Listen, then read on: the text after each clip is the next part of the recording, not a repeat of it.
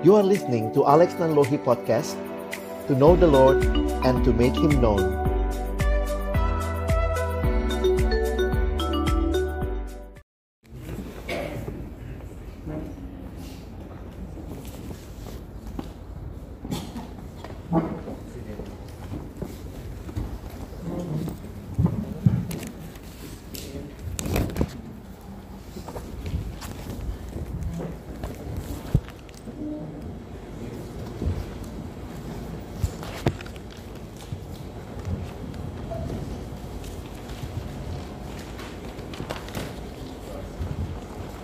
first slide, please.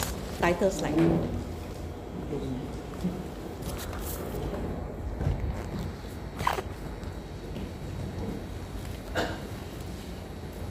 Good morning.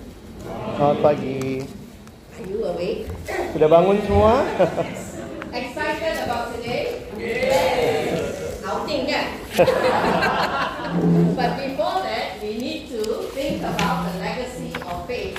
Sebelumnya kita akan bicara dulu tentang warisan iman So by faith, we will go for outing later. Dan dengan iman kita akan pergi outing nanti Okay, next slide, please.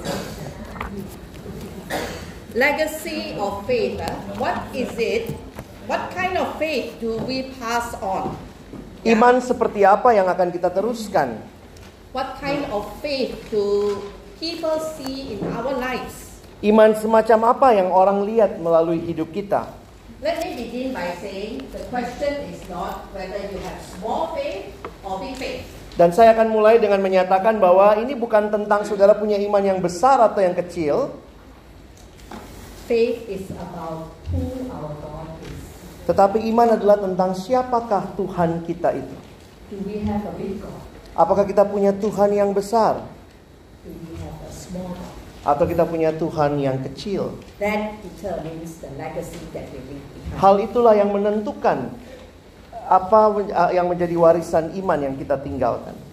As with yesterday, you will be doing some work today. Sama seperti kemarin, hari ini juga saudara akan bekerja di dalam kelompok As we explore the life and journey of Joshua, di mana kita akan belajar kehidupannya Yosua. we want to look at six incidents Kita akan melihat ada enam peristiwa and we will take two by two to compare. dan kita akan melihatnya dua bagian demi dua bagian untuk kita bandingkan.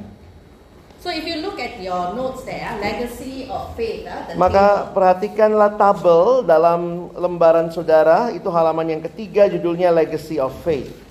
the first comparison that we will do is the two spy mission. uh.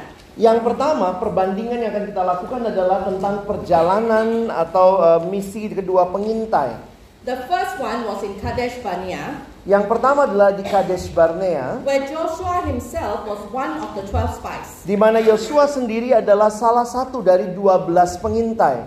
The second spy mission was 38 years after that. Dan perjalanan pengintaian yang kedua kali adalah 38 tahun kemudian Now Joshua is the leader of the people and he is sending in two spies. dan pada waktu itu Yosua adalah pemimpin umat dan dialah yang mengirimkan dua pengintai. So what the, the- I would like to have three groups uh, to look at this two spy mission. Saya akan minta ada tiga kelompok untuk melihat eh, cerita pengintaian ini. In all the references, what you do is as you read the text about the two events, compare and contrast. Saya ingin saudara waktu membaca bagian ini, saudara adalah untuk membandingkan dan mencoba mengkontraskan. Okay? So the, the first one is to compare and contrast the two spy mission. Jadi yang pertama adalah untuk membandingkan atau mengkontraskan kedua pe- kisah pengintaian. Look where in the story you see expressions of faith and also expressions of fear. Lihat di dalamnya apa yang menjadi satu ekspresi ke eh, iman atau ekspresi ketakutan.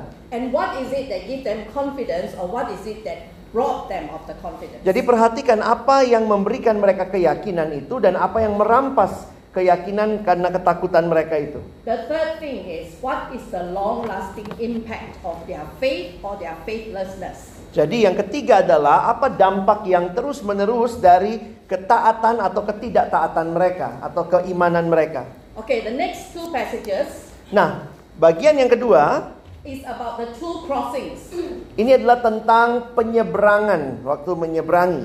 The first one is the crossing of the Red Sea. Yang pertama adalah menyeberangi Laut Teberau, Laut Merah. Moses was leading the people out of Egypt. Musa memimpin umat Allah keluar dari Mesir. The second one is the crossing of the River Jordan. Dan yang kedua adalah menyeberangi Sungai Yordan. 40 years after. 40 tahun kemudian. And this time, Joshua is the leader. Dan kali ini Yosua adalah pemimpinnya. So the groups that are studying, you read the two accounts and also compare and contrast. Bagi kelompok yang nanti dapat bagian ini, bacalah keseluruhan lalu coba bandingkan kedua peristiwa ini. And you will realize that in this story, there is a lot of uncertainties and impossibilities. Dan kalau saudara nanti melihatnya, ada begitu banyak dalam kisah ini adalah ke- kemustahilan, ketidakmungkinan. You want to see how Joshua and Moses, as leaders in their own time, inspire faith in the people. Dan saudara akan melihat bagaimana Musa dan Yosua adalah pemimpin pada masa mereka masing-masing menginspirasi orang-orang dengan iman. And we want to ask, what is it about God that capture our heart? Dan kita akan bertanya tentang apa bagian ini ajarkan tentang Allah yang begitu kena dengan hati kita. Okay, the third one, ah, Nah, nanti yang ketiga, when they entered the land, the first two battles that they fought. kita akan membandingkan dua cerita tentang mereka menaklukkan Kanaan waktu mereka masuk. The battle against Jericho and the battle against Ai.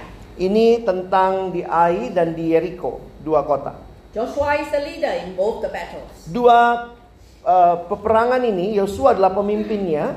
So you want to read, compare, and contrast how he leads the people in these two battles. Coba bandingkan bagaimana Yosua memimpin umat di dalam dua peperangan ini. And because of what happened, what did Joshua and the people discover about their God? Dan melalui peristiwa itu, apa yang Yosua maupun umat Allah pelajari dan ketahui tentang Allah mereka. What lessons of faith can we learn from them? Apa pelajaran iman yang bisa kita pelajari dari bagian itu?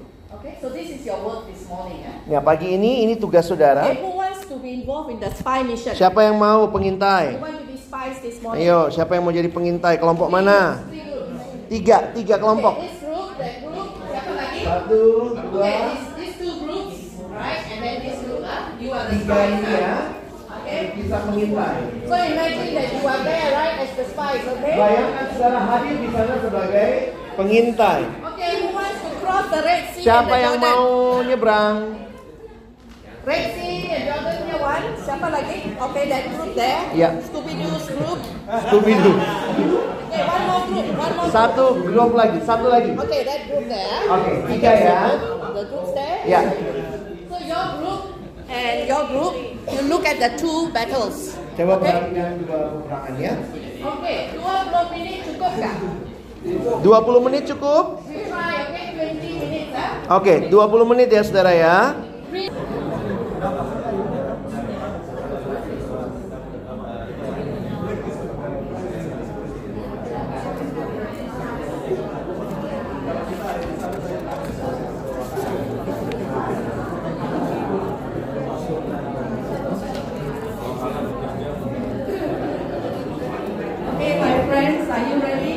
Baik teman-teman, siap ya?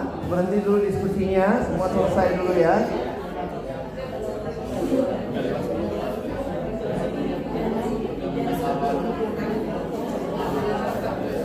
Masih lagi banyak yang perlu sharing ya.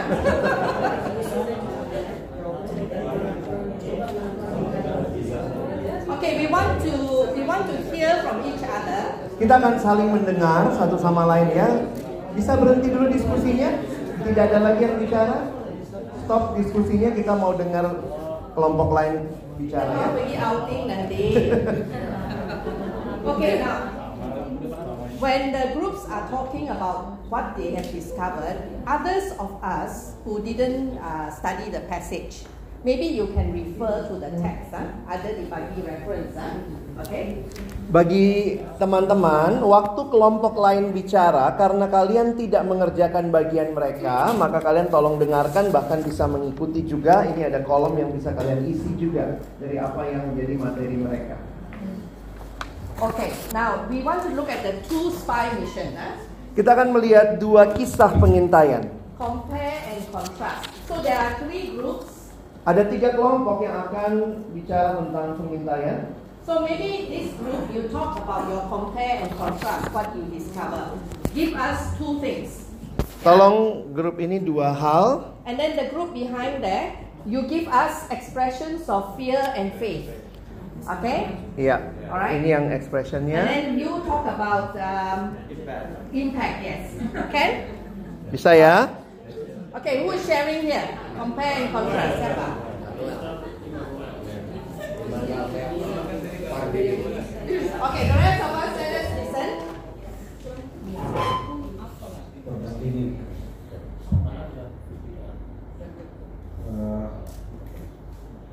persamaannya masing-masing pergi mengintai ya.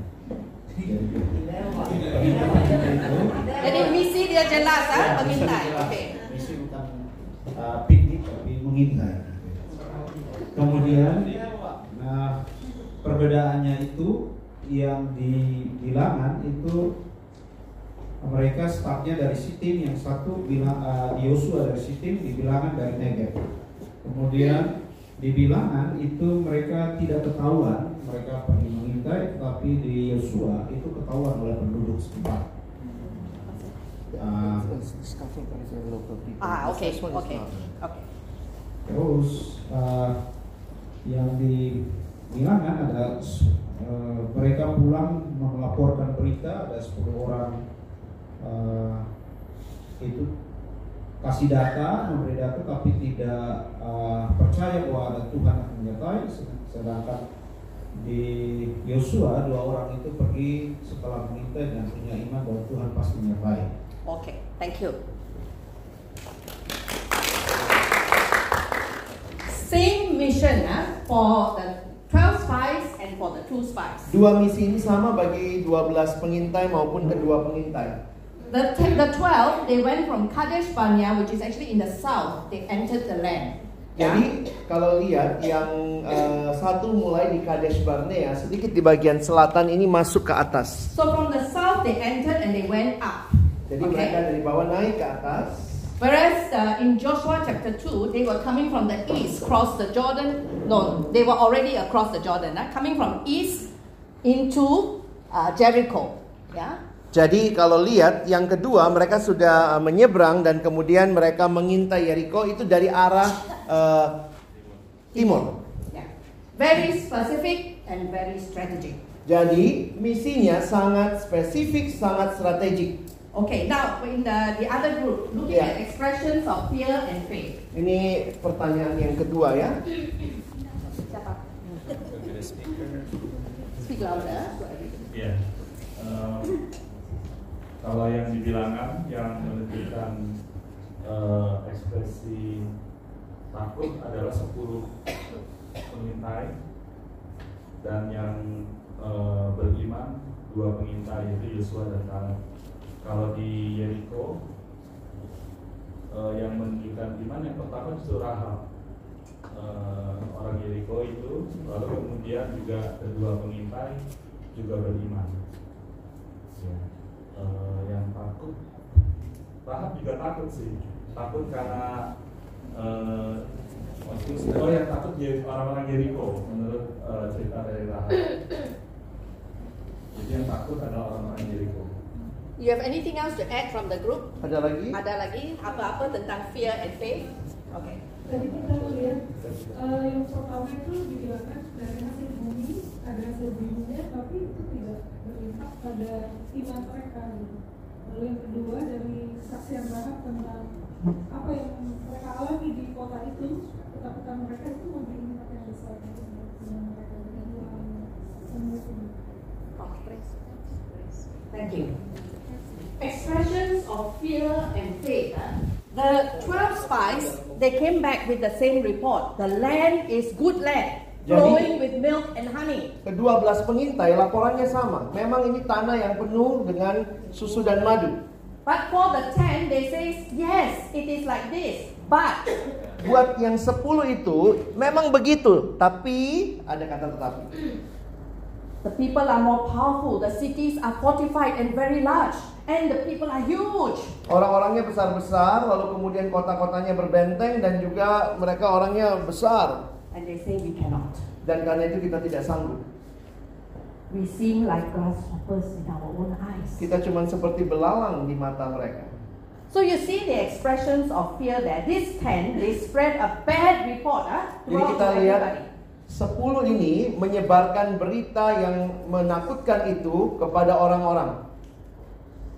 Until all of them started to grumble and be terrified. Sampai semua orang itu dikatakan mulai bersungut-sungut. So the whole of Israel heard the bad report from this ten, and all of them were filled with fear. Jadi seluruh bangsa Israel mendengar berita yang jelek dari 10 pengintai ini dan kemudian mereka ketakutan. If only we haven't left Egypt.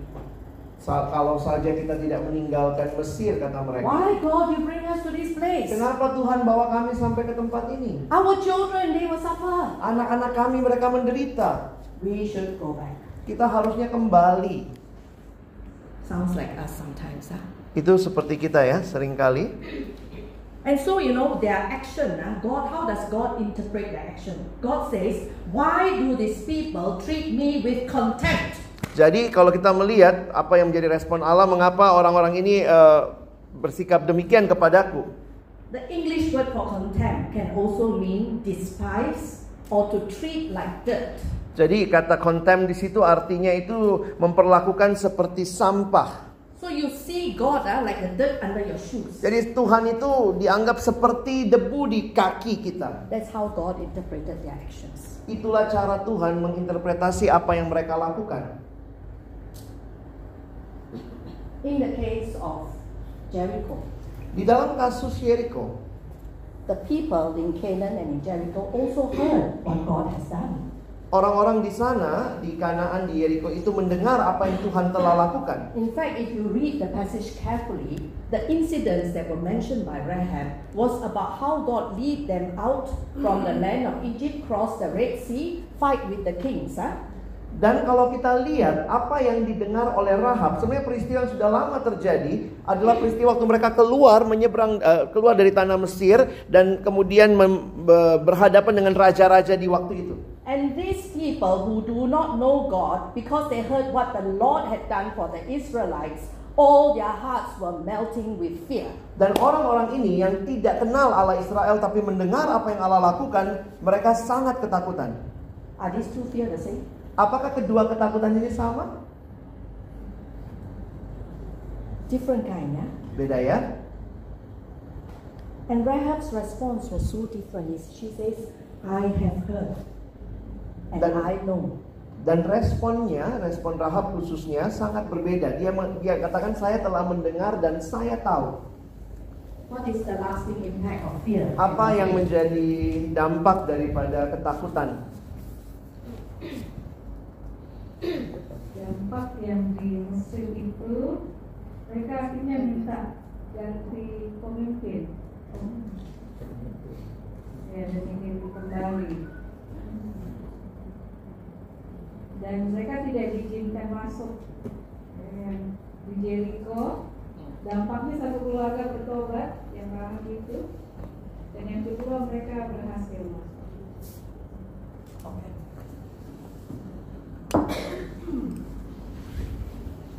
Both fear and faith have impact and lasting impact. Dan perhatikan, keduanya baik ketakutan maupun juga iman itu punya dampak yang panjang. I just want to raise a few points here. Saya ingin tekankan beberapa poin di sini. This story highlights for us faith versus fear. Dalam cerita ini yang ditekankan bagi kita adalah kontras antara iman dan ketakutan. For the ten spies, their but huh, Untuk 10 pengintai kata tetapi itu jadi penekanan. is an expression of their fear of man and of the circumstances around them. Tetapi kata itu muncul karena ketakutan mereka kepada manusia dan juga situasi di sekelilingnya. And this fear is so much bigger than their fear of their God. Dan ketakutan ini jauh lebih besar daripada ketakutan rasa hormat mereka kepada Allah. So they do not trust in the Lord who can.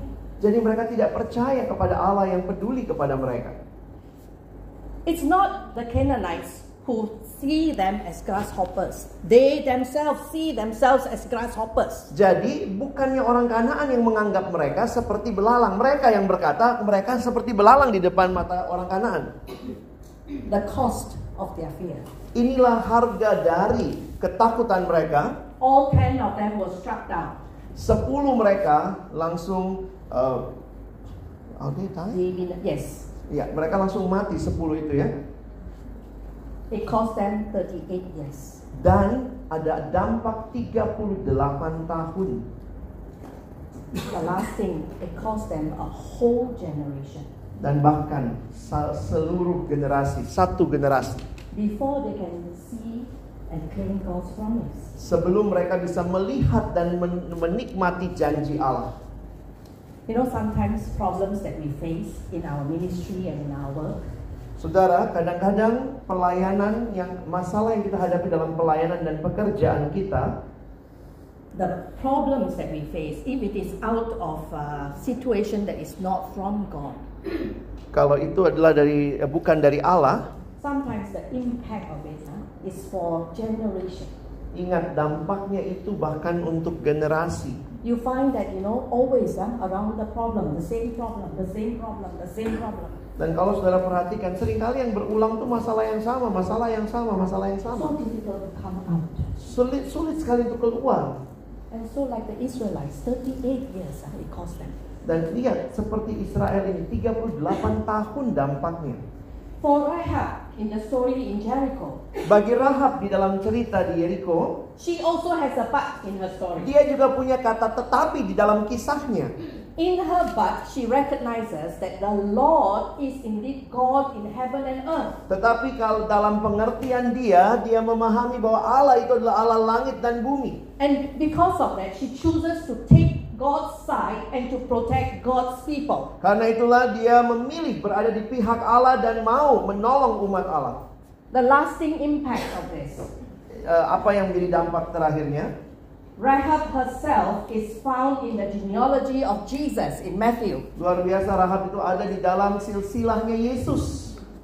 She married Salmon and they gave birth to a son called Boaz. Jadi dia menikah dengan Salmon dan punya anak bernama Boas. When you re- remember the story of Ruth and Boaz, you remember what an honorable man he is. Dan kalau saudara melihat kisah dalam kitab Rut tentang Boas, Boas itu seorang pria yang sangat terhormat. His mother is Rahab, Mamanya. Rahab sang pelacur.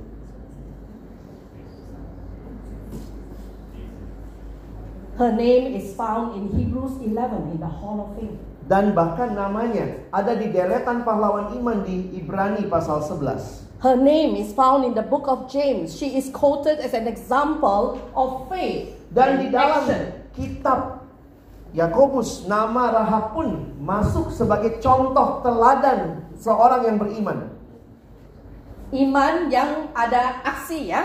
Iman yang beraksi. The third person who expresses faith in this instance. Di dalam cerita ini orang ketiga yang menyatakan imannya. I want to mention Joshua. Saya juga mau bilang Yosua juga. His faith is trusting in the Lord who sent him as the leader of this mission. Imannya adalah percaya kepada Allah yang telah mengutus dia bagi misi Allah ini. In spite of his earlier failure to convince the people to have faith in God. Sorry. Because you know, in Kadesh Barnea, he and Caleb have a different voice. They say, if God is pleased with us, he will deliver the land to, to us. Yeah? But the people refuse to follow, to hear. So that was their failure, right? Jadi meskipun kegagalan karena di dalam bagian sebelumnya dia sama Kaleb berbeda pendapat dan dia berkata bahwa eh, apa kalimatnya itu ya? If God is pleased with us, Kalau Tuhan eh, berkenan. berkenan dengan kita, Yeah. He will do this. maka dia akan melakukan ini. So, you know, in spite of failure, earlier on, sometimes, you know, we are haunted by our failures. Meskipun Yosua ini gagal pada awalnya untuk betul-betul percaya sampai dia pakai kata jika Tuhan berkenan padahal Tuhan sudah janji sama dia, itu sering kali juga kita ngalami ketakutan akan masa lalu menghantui kita. And you know, every time we go into something, huh, we, we are doubtful. Dan sering kali waktu kita maju melangkah, kita masih dalam keraguan. But it's not about us. Tapi ini bukan tentang kita. It is about God who calls us. Ini tentang Allah yang memanggil kita. It's about God who sends us. Ini Allah yang mengutus kita. Okay, we go now. We move on to the two crossings. Kita akan belajar dari dua penyeberangan. Okay, the Red Sea and the River Jordan. Jadi ini tentang Laut Merah dan Sungai Yordan. Tiga grup kan? One, two, and the third group is here. Okay. Now the first group you talk about the compare and contrast. Huh? This Yeah. group here. The second group you talk about um, how Moses and Joshua inspire faith and confidence. Yeah.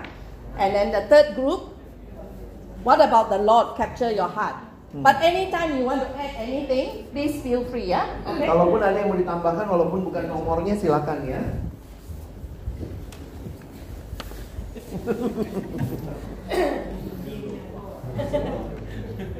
kalau dari kelompok kami melihat eh, persamaan dari dua kisah ini adalah sama-sama mengalami jalan buntu, tapi pada akhirnya terbuka jalan tersebut. Sama-sama melewati laut yang eh, terlihat sebagai sesuatu yang mustahil untuk diseberang, tapi pada akhirnya Tuhan menyatakan dirinya dan Berkuasa atas alam.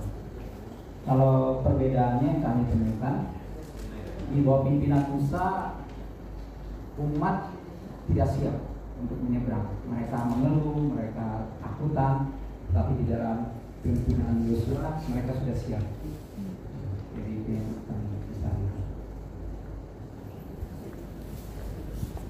Thank you. Very interesting. Huh? In under Moses, the people seem to be unprepared. They like wandering around. Huh? Di dalam kepemimpinan Musa, kalau saudara lihat, mereka nggak siap ya, mereka kayak terus mengembara begitu. Just came out from Egypt. kan?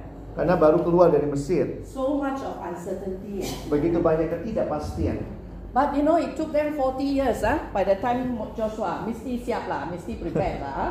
40 years though to prepare. Karena 40 tahun kemudian harusnya udah siap ya. But we can see the difference. Huh? Tapi kelihatan bedanya. Okay, part B for you.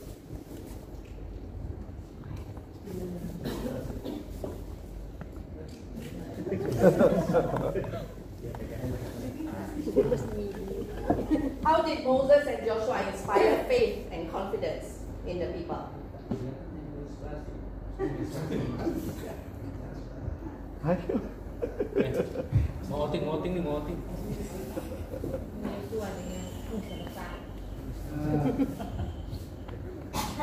kalau melihatnya yang inspirasi memang apa ada ada hal yang lebih pada Yosua karena Yosua melihat pengalaman masa lalu yang dialami bersama dengan Musa. Jadi kalau Musa menekankan keyakinan akan pernyataan Tuhan, Yosua dia jelaskan juga pada bangsa Israel kekudusan. Tapi dia melihat pengalaman lalu walaupun yang ikut sekarang kan orang yang berbeda. Tapi Yosuanya yang diteguhkan oleh pengalaman iman bersama dengan Musa. Itu yang kami lihat. Okay. Anything else? Ada hal lain?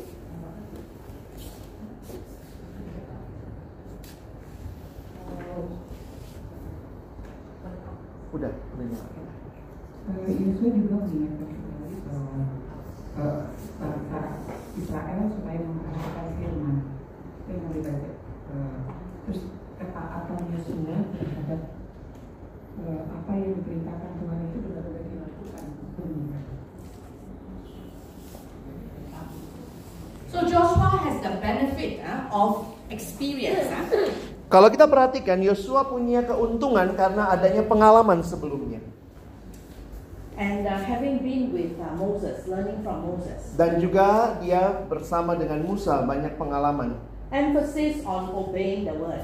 Dan penekanan kepada percaya atau taat pada kehendak Allah. This group, do you have anything under here? Under how they inspire faith and confidence? Yang nomor dua ada Yang beza. ada tambahan yang beda. Ada? Yang oh they have the the first one. Okay. Eh, sama-sama ada kehadiran Tuhan, tapi kalau di Keluaran 13 itu ditunjukkan dengan tiang, tiang awan dan tiang api, tapi kalau di Yosua dengan tabut perjanjian. Kemudian persamaannya adalah tujuan dari keajaiban mereka bisa menyeberang itu sama-sama supaya Israel tahu bahwa Tuhan menyertai mereka untuk kemuliaan Tuhan. Oke. Yang kedua ada tambahan? So they talk about how in both incidences it is the Lord who leads the way. Dan kita melihat yang ditambahkan adalah di dalam dua cerita ini Allah lah yang memimpin. In the crossing of the Red Sea by the pillar of cloud. Di dalam menyeberangi Laut Merah dengan kehadiran tiang awan. In the crossing of the Jordan, it is the ark of the Lord that represents His presence leading the way. Menyeberangi Yordan ini bicara tentang uh, kehadiran tabut perjanjian itu. In both instances, so that Israel will know that the Lord is God. Namun dalam keduanya sama-sama tujuannya adalah supaya Israel tahu bahwa ada Allah. But guess what? In the crossing of the Red Sea, even the Egyptians knew that the Lord was with Israel and fighting for them. Tetapi di dalam cerita menyeberangi Laut Merah, bahkan orang Mesir juga tahu bahwa Allahnya Israel menyertai mereka. So when the Lord shows that He is God to His own people, it's not just for their own benefit, the nations around them also Karena knew itu, that He is the Lord. Kalau Tuhan menyertai umatnya melakukan perbuatan yang besar, bukan hanya umatnya yang tahu, tapi juga bangsa-bangsa di sekitarnya akan melihat ada Allah yang disembah Israel. Part C, ya. What about the Lord Sekarang yang chapter? ketiganya, Yang pertama, Tuhan memimpin perjalanan iman meski di tempat atau situasi yang sulit dilewati secara logika. Yang kedua, Tuhan menolong Musa dan Yosua untuk dapat dipercaya oleh umat. God who was with them and God who helped both Moses and Joshua so that the people would trust them as their leaders. Jadi Allah yang memimpin mereka dan Allah juga yang menolong Musa dan Yosua sehingga umat Allah percaya kepada mereka. You know, this crossing of the Red Sea out of Egypt and the entering, uh, crossing of the Jordan into the promised land. Jadi ini adalah kisah penyeberangan dari Laut Teberau dan juga Sungai Yordan. What is amazing about these two events 40 years apart? Apa yang unik atau indah dari dua cerita yang terpisah 40 tahun ini? Before they came out of Egypt and crossed the Red Sea, they experienced the Lord's Passover. Sebelum mereka menyeberangi atau mereka uh, masuk dalam uh, keluar dari Mesir, mereka mengalami yang namanya Passover atau Paskah. The way God struck down the firstborn in Egypt of every man and every animal. Ketika Allah membunuh semua anak sulung orang Mesir sampai kepada put, uh, apa ternak yang sulung. But the way the angel of death passed over their household because they have placed the blood of the lamb over their doorpost. Tetapi dengan demikian juga uh, malaikat Allah itu lewat dan rumah-rumah yang ada darah domba itu tidak mati. How God saved them and delivered them. Bagaimana Allah menyelamatkan mereka dan melepaskan mereka. After they crossed the river Jordan Setelah mereka menyeberangi Sungai Yordan, and they ended up in this town called Gilgal. mereka masuk ke kota Gilgal. Do you know what is the first thing that they did? Ingat apa yang pertama kali mereka lakukan? All the men who were born in the desert, in the wilderness, they were circumcised. Semua orang-orang yang lahir di padang gurun itu disunatkan. After that, they celebrated the Lord's Passover. Dan sesudah itu mereka merayakan Paskahnya Tuhan. The first Passover in the promised land. Ini adalah Paskah pertama uh, masuk di tanah Kanaan. Both the circumcision and the Passover reminds them that they are God's people. Dan keduanya, baik Paskah waktu mereka di Mesir dan juga disunat di Gilgal itu mengingatkan bahwa mereka miliknya Allah. Amazing, isn't it? Indah sekali, luar biasa. Next slide, please. Uh, Next yang terakhir.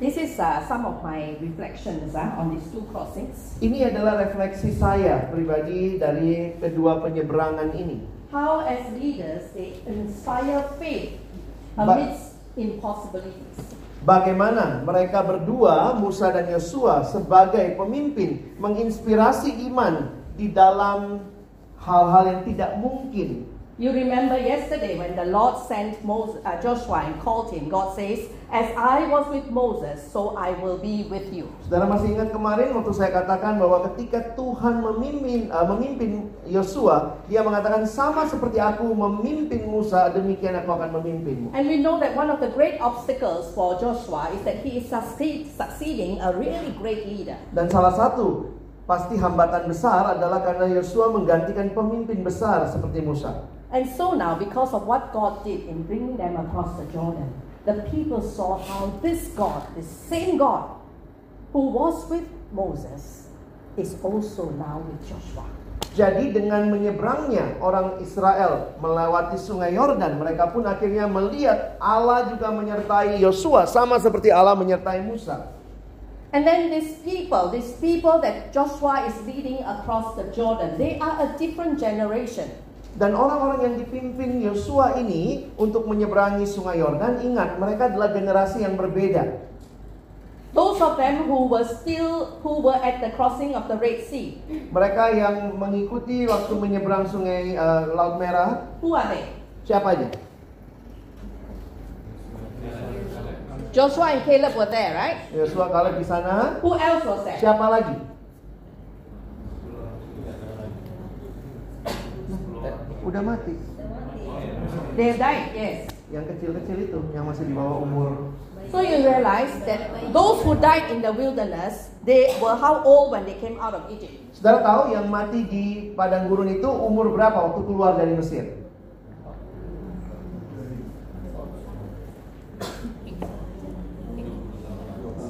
Dua puluh tahun ke atas. 20 tahun ke atas itu yang mati semua. So the generation that is now crossing the Jordan, uh, the oldest among them, uh, take out Joshua and Caleb, the oldest among them is less than 60 years old. Jadi kalau kita lihat hitung-hitungannya orang yang yang ikut menyeberang di Yeriko itu pasti di bawah umur 60 tahun. All of you here, Saudara semua di sini nih. except for Kak Liz, huh? Kecuali Kak Iis huh? Celebrating, huh? 60, yeah? Ah, udah 60 tahun ya usia. By the way, I'm also turning 60 this year, you know? Ibu Kim Jeng juga tahun ini 60. okay. Um, but you know, the oldest among them would have been young uh, youngsters, huh? When they crossed the Red Sea. Jadi orang yang paling tua yang menyeberangi Yordan, dia mungkin masih anak-anak waktu menyeberang Laut Merah. But what they are seeing now of God is that this God is the same God who is doing miracles still in their day. Tetapi mereka melihat bahwa Allah ini yang memimpin mereka juga Allah yang masih melakukan mujizatnya hingga hari itu. He is not a God of yesterday. Dia bukan Allah masa lalu. So the story that they are telling uh, is not what God did, just not just what God did in the past, but what God is doing now. Sehingga cerita mereka bukan hanya apa yang Allah lakukan di masa lalu tapi juga saat ini. Every generation needs to know the living God in His power and in His reality. Setiap generasi perlu memahami, mengenal Allah di dalam kuasanya dan kehadirannya. Your children, Anak-anak students, saudara, para siswa mahasiswa, the younger generation of staff workers in Pekantas, bahkan juga generasi staf yang muda. they need to know God is real, God is relevant, God Mereka is perlu tahu. Allah itu hadir, nyata, relevan. God is in the business of doing something new. Allah dalam satu tugas atau satu pekerjaannya melakukan hal yang baru. So you see, this crossing of the Jordan is like same, same, but yet different. Ya, jadi memang kedua kisah penyeberangan ini ya mirip tapi ada bedanya. For the leaders, huh, for Joshua, and even in Rahab's example, right, you see faith that shows itself in action inspires others to trust in this God. Dan di dalam kisah ini kita belajar baik dari Yosua maupun dari Rahab bahwa iman yang bertindak itu itu bukan hanya bagi diri mereka tapi menginspirasi orang-orang yang melihat itu. Okay, now we want to look at the two battles. Sekarang yang terakhir tentang kedua peperangan. This group here, compare and contrast, and then what is one thing you learn or two things you discover about God? Huh? Jadi kelompok ini nomor satu dan dua, kelompok sana nanti nomor tiga. Jadi yang kami refleksikan tentang kepemimpinan Musa, eh siapa? Yosua ya. Joshua.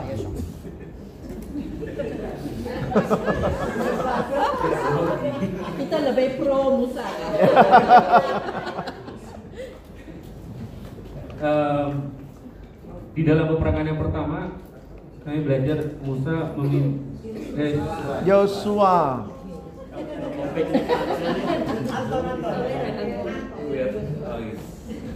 Ya, Yosua itu pemimpin yang belajar. Saya ketika belajar dari kepemimpinan Yosua, maka Yosua em, pemimpin yang bisa memberikan semangat dalam mengandalkan Tuhan dan taat juga pada strategi aneh yang Tuhan kasih.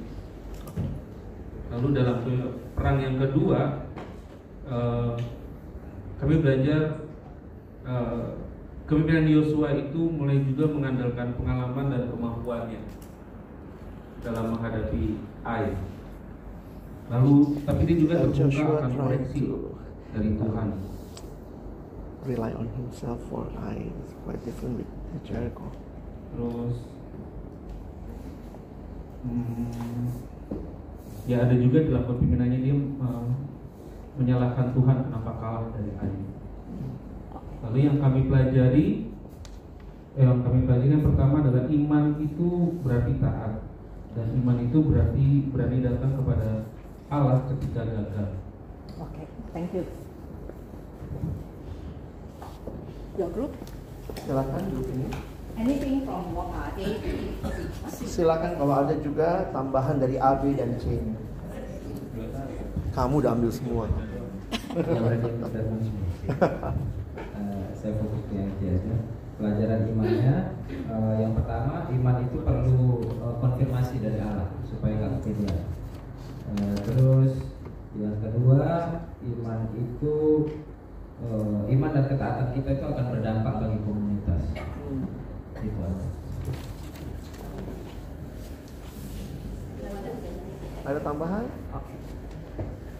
So the first two battles, Jericho and Ai? Jadi ini dua kisah peperangan di kota Yeriko dan Ai. very, very different. Keduanya sangat beda. The same thing is Joshua sends spies into Jericho, Joshua sends spies into Ai. Yang sama adalah Yosua mengirim baik eh, ke Ai maupun Yeriko mata-mata sebelum berperang. In the battle against Jericho, very clear how Joshua clearly follows the Lord's instruction, directs the people. Dan di dalam kisah pertama, Yosua itu sangat jelas dengan instruksi Allah dan memimpin umat dengan instruksi itu. But in, the, in Ai, it's very different. Tapi di kota Ai sangat beda. Where lies the difference? Di mana bedanya? You, I, I want to refer to the report of the spies. Saya ingin kita fokus kepada laporan dari para pengintainya. Look at uh, Joshua chapter 2, verse 23 to 24. Yosua pasal 2 ayat 23 dan 24. This is the report of the two spies after coming back from Jericho. Perhatikan ini laporannya setelah kembali dari Yeriko. In verse 23, it says, The two men started back. They went down the hills, forded the river, and came to Joshua, son of Nun, and told him everything that had happened to them. They said to Joshua, The Lord has surely given the whole land into our hands. All the people are melting in fear because of us. Pasal 2 ayat 23-24 Maka pulanglah kedua orang itu Mereka turun dari pegunungan Lalu menyeberang dan sampai kepada Yosua bin Nun. Kemudian mereka menceritakan segala pengalaman mereka. Kata mereka kepada Joshua Tuhan telah menyerahkan seluruh negeri ini ke dalam tangan kita. Bahkan seluruh penduduk negeri itu gemetar menghadapi kita Now you look at Joshua chapter 7. Sekarang lihat 2 and 3. Yosua 7 ayat 2 dan 3 the two the spies. This is we don't know how many spies, and we don't know whether it's the same spies who went. Huh? Kita tidak tahu di dalam Yosua 7 ini berapa jumlah pengintainya, apakah juga itu orang yang sama dengan sebelumnya. Verse 3 ayat 3. When they returned to Joshua, they said, Not all the army will have to go up against Ai. Send two or three thousand men to take it, and do not weary the whole army, for only a few people live there. Dikatakan kemudian kembalilah mereka kepada Yosua dan berkata kepadanya, tidak usah seluruh bangsa itu pergi, biarlah hanya kira-kira dua atau tiga ribu orang pergi untuk menggempur Ai itu. Janganlah kau usaha, kau susahkan seluruh bangsa itu dengan berjalan ke sana, sebab orang-orang di sana sedikit saja. What is the difference? Bedanya apa?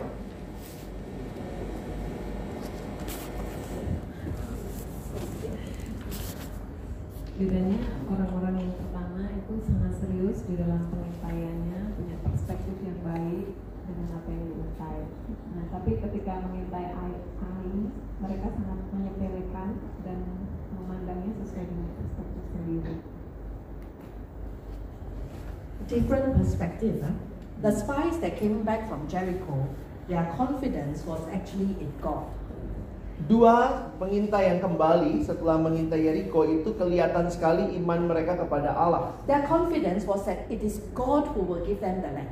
Keyakinan mereka bahwa Allah lah yang akan memberikan tanah ini. Coming back from Ai, nothing about God. Yang kedua, dari Ai ini tidak ada tentang Allah. Because they saw the city and they said very few people there. Aduh, sedikit kok penduduknya.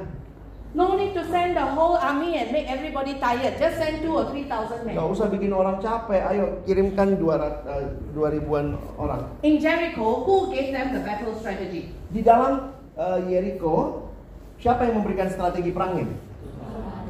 God, right? Allah. Now, if you were in the army and you were given this strategy, how do you feel? Kalau saudara misalnya dikasih strategi begitu ya kelilingi kota Laughing. You will be laughing as you go around the kota. laughing at who? Yourself or the people? Ini ketawain diri atau orang-orangnya? What kind of battle strategy, right? Ini Take, take all the armed men and just go walk around the city once every day. Once every day. Ini strategi perang apa ini ya keliling kota sekali sehari gitu? But in AI, what happened is the spies came back, and who was giving the battle strategy? Siapa yang kasih strategi perangnya di kota Ai?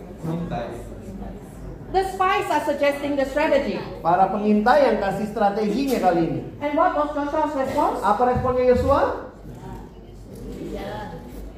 He followed them, but he didn't inquire of the Lord. Dia mengikuti itu dan dia tidak bertanya kepada Allah. We know already there was sin in the midst of the people, right? Dan kita sudah tahu sebenarnya ada dosa di tengah mereka. Achan took the devoted things and kept for himself. Karena akan itu mengambil barang jarahan itu. Already the Lord's anger was with the, on them. Jadi sebenarnya murka Allah sudah atas mereka. Now you have the spies who come back and they were so confident. Dan kita lihat lagi sekarang ada pengintai yang kembali dan sangat percaya diri banget. So confident in what? They thought that they were the ones who defeated Jericho. Ini keyakinan macam apa? Apa mereka meyakini bahwa mereka lah yang sebenarnya mengalahkan Yeriko sebelumnya? Don't tire the whole army just. Udahlah, jangan terlalu capek lah. Nanti 2000-an orang aja. And they had to learn a painful lesson. Dan karena itu mereka harus belajar pelajaran yang menyedihkan. And you realize that after Joshua had dealt with their sin, Dan kita tahu setelah Yosua um, what do you say? dealt with their sin, Oh, setelah Yosua ber, ber- uh, mengatasi dosa itu, the Lord's strategy was so different. strategi Tuhan sangat berbeda. The spies say just take two, three thousand men. Karena pengintai itu bilang bawa 2000 atau 3000 orang. The Lord says take the whole army. Tuhan bilang bawa semuanya. Set up an ambush. Lakukan penyerbuan. God's strategy against Ai, God's strategy against Jericho, so different. Di dalam strategi kepada Ai dan Yeriko sangat beda. But who is the one giving the command? Tapi siapa yang memberikan perintah? This too is sometimes our point of weakness. Dua hal seperti ini juga sering kali jadi kegagalan kita. Sometimes we think we know. Kadang-kadang kita berpikir kita tahu And it's easy. Success makes us proud. dan sangat mudah. Kesuksesan itu membanggakan, membuat kita berbangga diri. We forget who is our God. Sehingga kita lupa siapakah Tuhan kita. We forget who is the Lord of the ministry. Dan kita lupa siapakah Tuhan yang memiliki pemilik pelayanan itu. And we can be tempted like the spies to play God. Dan kita bisa terjebak menjadi Tuhan seperti para pengintai itu. My friends, whether it was victory or defeat, they came to realize that the Lord is at work and the Lord is speaking. Jadi meskipun di dalam kemenangan maupun kekalahan yang mereka sadari bahwa ada Allah di situ dan Allah ini berbicara kepada mereka. Today, the Lord does the same. Dan hari ini pun Tuhan masih melakukan hal yang sama. It doesn't mean that just because we are successful in ministry, the Lord is with us. Jangan berpikir hanya karena kita berhasil dalam pelayanan maka Tuhan sedang bersama kita. When we are not successful, when we are struggling, when there are lots of impossibilities before us, God is also working. Tetapi bahkan ketika kita pun gagal, kita sedang bergumul dan kita tidak tahu hal-hal yang eh, yang sulit di hadapan kita, Allah pun hadir. God is speaking into our life. Tuhan sedang berbicara terus dalam hidup kita. Are we listening? Pertanyaannya, apakah kita mendengarkan Dia? Do we know what He is saying? Apakah kita tahu apa yang Dia sedang sampaikan? Do, do we know what He is asking us to pay attention to in our own lives? Dan apakah kita tahu apa yang Tuhan mau saudara dan saya perhatikan di hidup kita? In the next page of your, your notes, Di dalam halaman berikutnya, halaman keempat di dalam catatan kita. what you find is another map. Saudara menemukan lagi ada peta yang lain. I want to point out to you how Joshua inspires faith in the generations to come. Dan saya ingin menceritakan bagaimana Yosua menginspirasikan iman itu kepada generasi penerus. When you read through the whole book of Joshua, you will realize that there are many memorials in the land. Kalau saudara membaca keseluruhan kitab Yosua, ada banyak sekali batu peringatan di tanah itu. Just like in Indonesia, you have many memorials yeah, to remember key events, significant events. Sama seperti di Indonesia, banyak sekali tugu peringatan untuk memperingati peristiwa-peristiwa penting. But you know, in Joshua's time, the memorial is not specially built up. ah. Tapi dalam masanya Yosua kan tidak secara khusus itu dibangun ke atas. They are mostly piles of stones Biasanya cuma tumpukan batu or maybe a ruin, atau cuma timbunan begitu ya. ah, timunan yang yang Eh, hasil rongsokan dimusnahkan. ya. ah. Kayak puing-puing. Ah. Or sometimes it's altars that are built. Atau juga mereka membangun altar. So you, I, I, I found that it was very interesting how at every significant place there is a memorial to remind them of what God has done. Yang menarik yang saya temukan bahwa setiap kali mereka sampai di satu tempat atau ada peristiwa yang Tuhan lakukan, ada tugu peringatan. And that memorial is not just for themselves, it's also for their children. Tetapi itu bukan hanya buat diri mereka, tetapi juga bagi anak-anak mereka. So for example, can you turn Contoh, ya. The first place, click huh? one click saja. satu kali saja. Oke. The first place where they had the memorial was a 12 stone memorial taken out from the Jordan River where the priest was standing. Jadi ini peringatan yang pertama diambil dari batu dari tengah sungai Yordan, 12 batu itu. and brought to the place where they made camp for the night. Lalu mereka bawa itu ke tempat mereka berkemah. And that was in Gilgal. Dan itu di Gilgal. And then they are told, if your children ask you, Papa, what is this 12 stones? Dan kalau anakmu bertanya, Papa ini apa sih 12 batu peringatan ini? You are to tell them that Jordan, uh, Israel crossed the Jordan on dry ground. Dan engkau harus berkata kepada anakmu bahwa Israel telah menyeberangi sungai Yordan di tanah yang kering. The second thing about Gilgal, Hal kedua tentang Gilgal, the name itself. nama Gilgal itu sendiri. It sounds like roll, to roll. Itu eh, itu ber- terdengar seperti sedang berguling.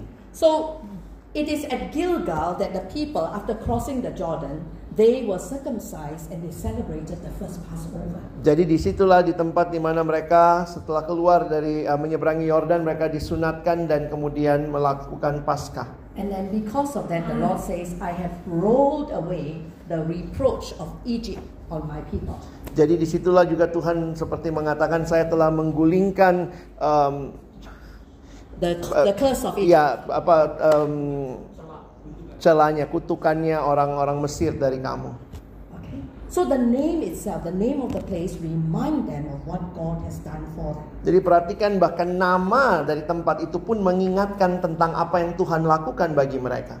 Then when they uh, attacked their first city, which was Jericho, the whole city became a ruin. eh? Dan waktu mereka melakukan penyerangan kepada Yeriko, maka kita tahu bahwa kota itu jadi timbunan puing. And, jo- and Joshua said that they cannot rebuild that city. Dan Yosua bilang tidak boleh membangun lagi kota ini. And that is because the people need to be reminded of how God brought them in to capture the land. Dan karena itu adalah sebuah peringatan tentang bagaimana Allah membawa mereka masuk dan memberikan tanah itu bagi mereka. I want to show you um, this one. ah. Okay. You see here in your map, right? Mount Gibal, Mount Gerizim, and the town of Shechem.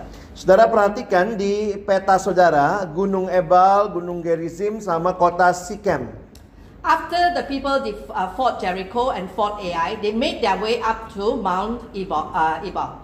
Jadi setelah mereka mengalahkan Yeriko dan Ai, mereka naik ke Gunung Ebal. And we are told in chapter 8 uh, that The- there Joshua built an altar to the Lord. Dan kita tahu di dalam Yosua 8 di, di Gunung Ebal Yosua mendirikan altar Do you, mesbah. know, do you know that what they were doing? They were following Moses' command. Saudara ingat apa yang mereka lakukan ini sebenarnya menggenapi apa yang Musa sudah sampaikan. When Moses was renewing covenant with that generation on the other side of the Jordan, he told them, When you enter the land, go to Mount Ebal and do this. Jadi kalau kita ingat ceritanya adalah ketika Musa di seberang sungai Yordan waktu itu membaharui perjanjian dengan umat, Musa mengingatkan kalau nanti sudah nyebrang naik ke Gunung Ebal dan buatlah mesbah di situ. The reference I have given in your, your paper. ah. Nah, saudara bisa lihat ayatnya di mana ada di dalam catatan kita. So the people went up to Mount Ebal, half the tribes in, on Mount Ebal, half the tribes on Mount Gerizim. Jadi kalau kita ingat bahwa separuh sukunya naik ke Gunung Ebal, separuhnya ke Gunung Gerizim.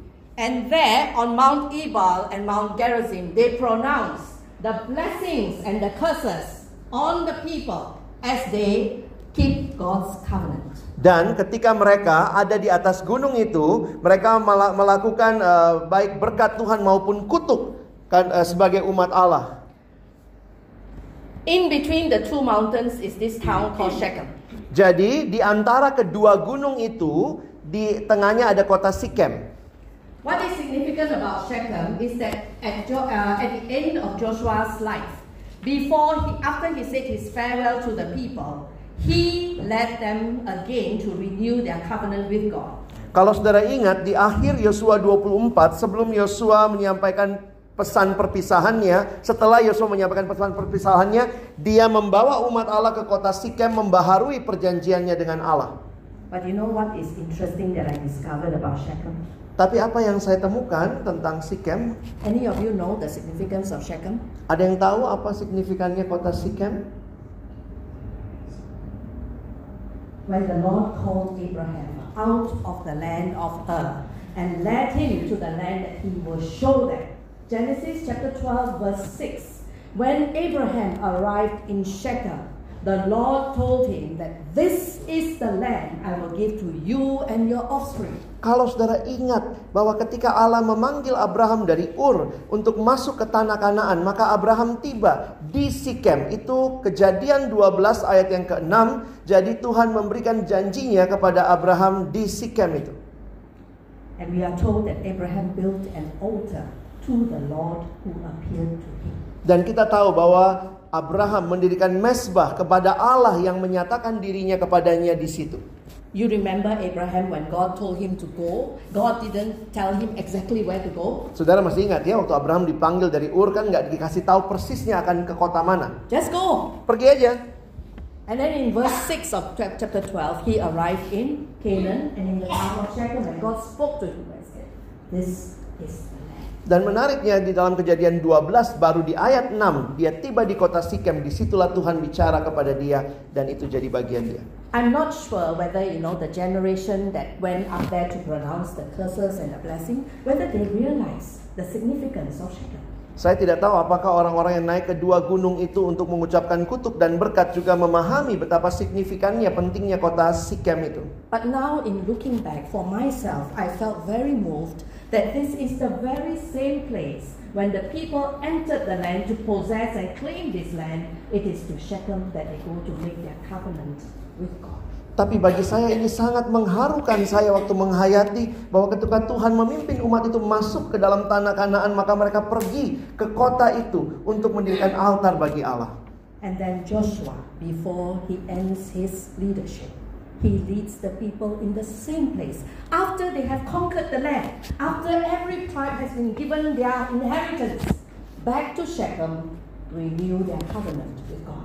Dan bahkan di akhir kepemimpinan Yosua, bahkan setelah mereka menaklukkan tanah Kanaan dan setiap suku sudah memperoleh milik pusaka mereka, bahkan Yosua kembali lagi mengajak umat ke Sikem dan mereka membaharui perjanjian mereka dengan Allah kembali lagi di kota Sikem. My friends, we are people who easily forget. Teman-teman, kita ini orang-orang yang gampang sekali lupa. If you had looked back at your years of ministry, you realize that there are many things that you forget. Dan kalau saudara lihat tahun-tahun ke belakang pelayanan saudara, kita menyadari banyak hal yang kita lupa. How can we help ourselves to remember? Bagaimana kita menolong diri kita untuk mengingat We don't want to remember who kutuk us and who uh, was jealous of us and who was in conflict with us. Kita kan nggak mau ya ingatan kita siapa sih yang ngutuk kita, siapa sih yang memberkati kita, siapa yang iri sama kita. But we want to remember the Lord and what He has done. Tapi kita ingin mengingat Allah dan apa yang telah Dia lakukan. Personally in our life and also in our ministry. Secara pribadi dalam hidup kita maupun secara pelayanan. How do we tell the stories of God and what He has done to the generations after us? Bagaimana kita menceritakan cerita tentang Allah bagi generasi sesudah kita? What kind of memorials do you have? Ada batu-batu tugu peringatan seperti apa yang saudara miliki? Many of you here, you know Sister Annette. Banyak dari saudara yang kenal Ibu Anet ya. You know that her hair is very unique, right? Saudara tahu ya, rambutnya tuh ada ekornya di belakang ya. Did, did she tell you all the story of her hair? Ada yang kasih tahu ceritanya kenapa dia berbuntut? That is a memorial to her, you know. Itulah peringatan yang dia bawa. Before year 2003, she didn't have the echo. Sebelum 2003 belum punya ekor itu. Since 2003, she had the echo. Sejak 2003 lah dia pelihara atau punya ekor itu. Because it reminds her of what had happened and what the Lord did.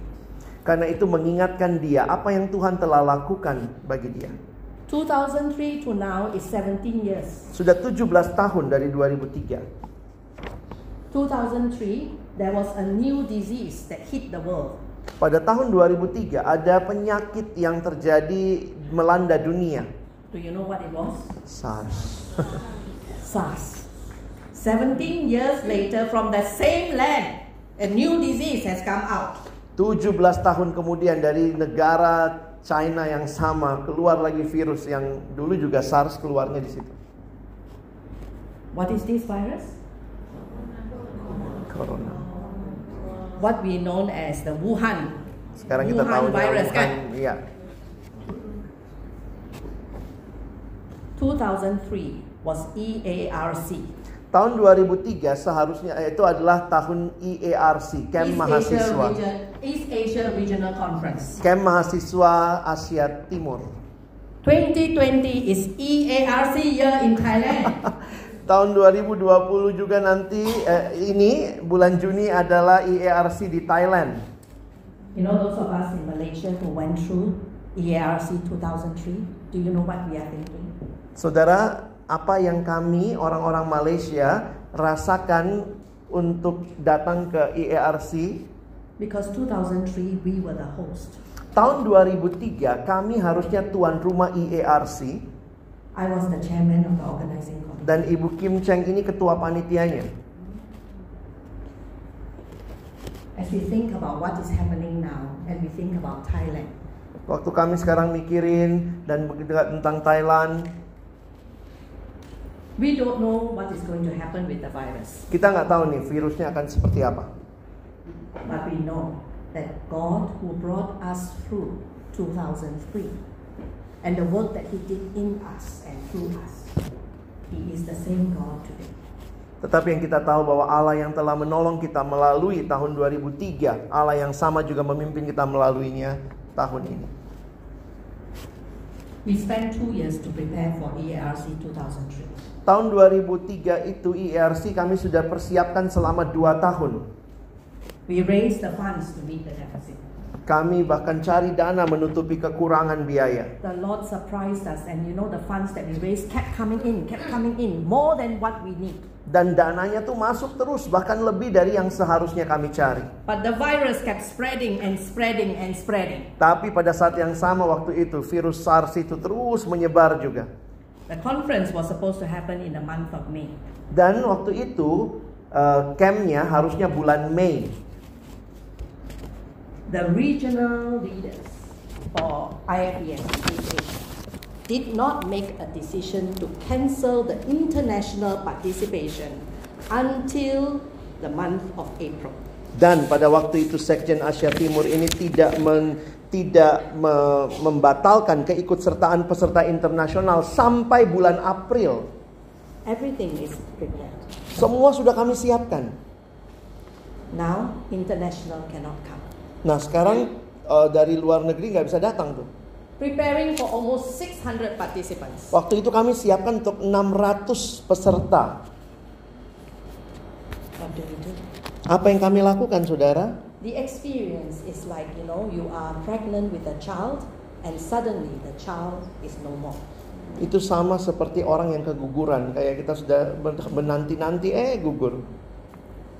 We made very difficult decisions after we heard the, deci- the decision of the regional leaders. Dan waktu itu kami kemudian mengambil keputusan yang sangat sulit setelah keputusan dari Sekjen East Asia. We made a decision to continue with the conference, but we changed it to become a Malaysian conference. Kami memutuskan melanjutkan camp itu tapi menjadi camp nasionalnya Malaysia. We called every Malaysian student who signed up for the conference and asked them, "Do you still want to come?" Jadi kami kontak semua peserta Malaysia yang sudah mau sudah daftar kami tanya, masih tetap mau ikut? They said yes. Nothing is going to stop us. Kami tetap ikut, tidak ada yang bisa membatalkan. Do you know the impact of that conference on the students of that generation?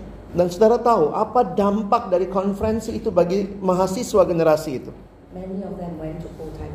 Banyak dari mereka yang masuk pelayanan full time. Now I speak about it, my Bulu Roma naik. FES Malaysia herself was making plans to regionalize after the conference. Dan Perkantas Malaysia pun bahkan mulai mem- membuat regional setelah konferensi itu.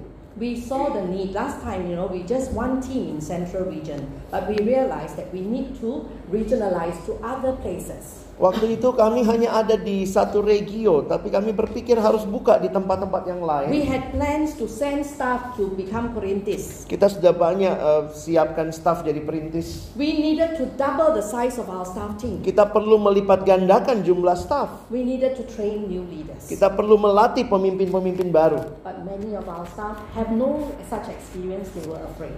Dan banyak staff kita tidak punya pengalaman itu, jadi mereka takut.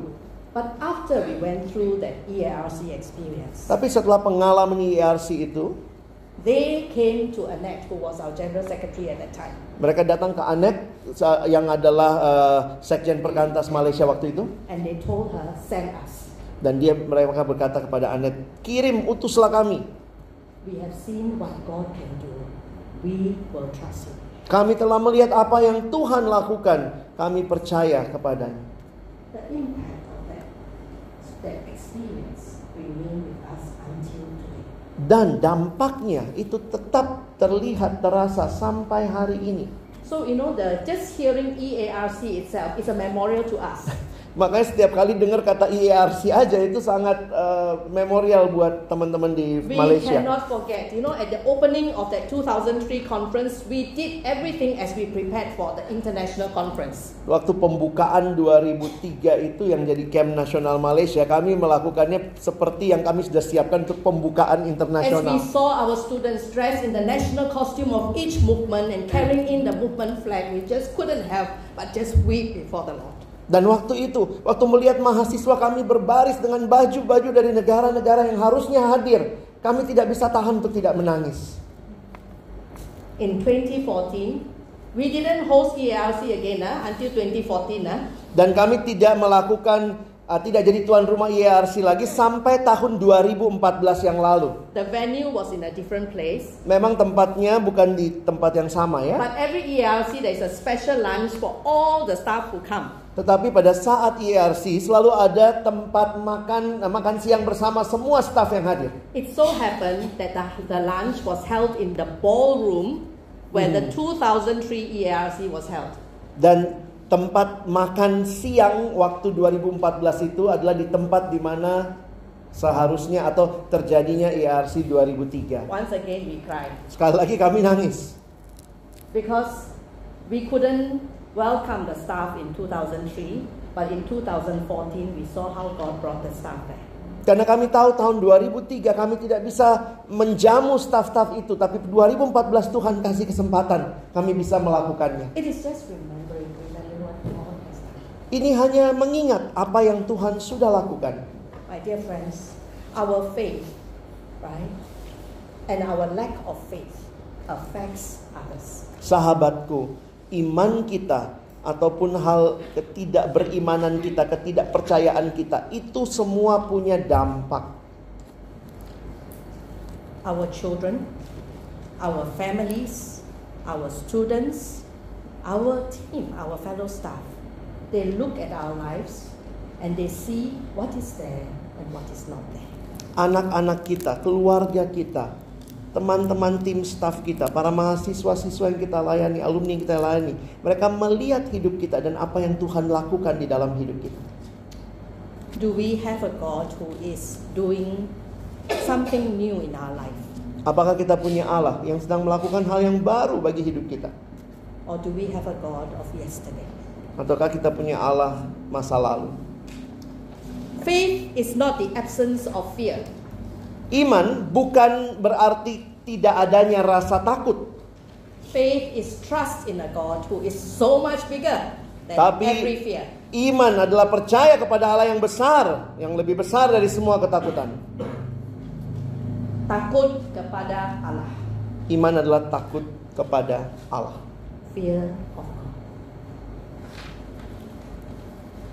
I pray for us that it is the Lord Himself we will meet, and it is the Lord Himself who will be doing a new work in us every day. Saya berdoa bahwa setiap kita berjumpa dengan Allah dan melihat Dia bekerja dalam hidup kita setiap hari.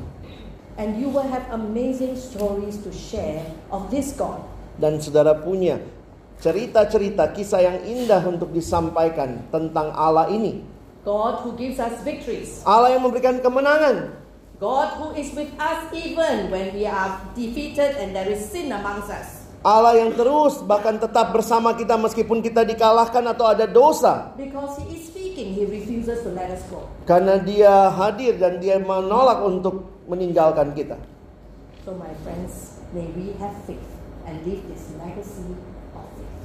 Dan temanku, kiranya kita punya iman dan kita juga boleh mewariskan iman. Let us stand as we end this time in prayer. Mari kita akan berdoa. Let us stand. Mari berdiri semua, kita semua berdiri.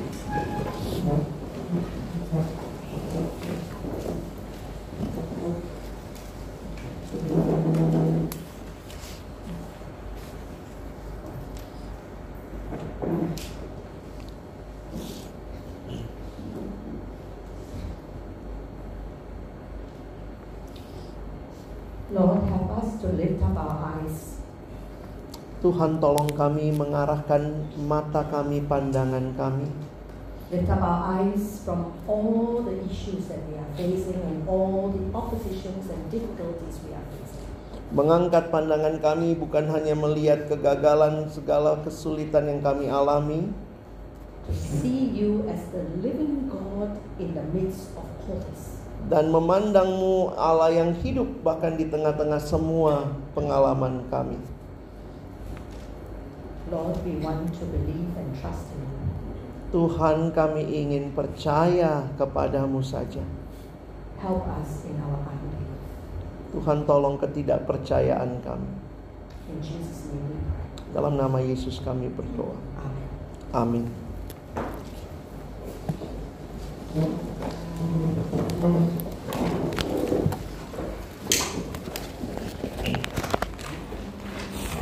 Thank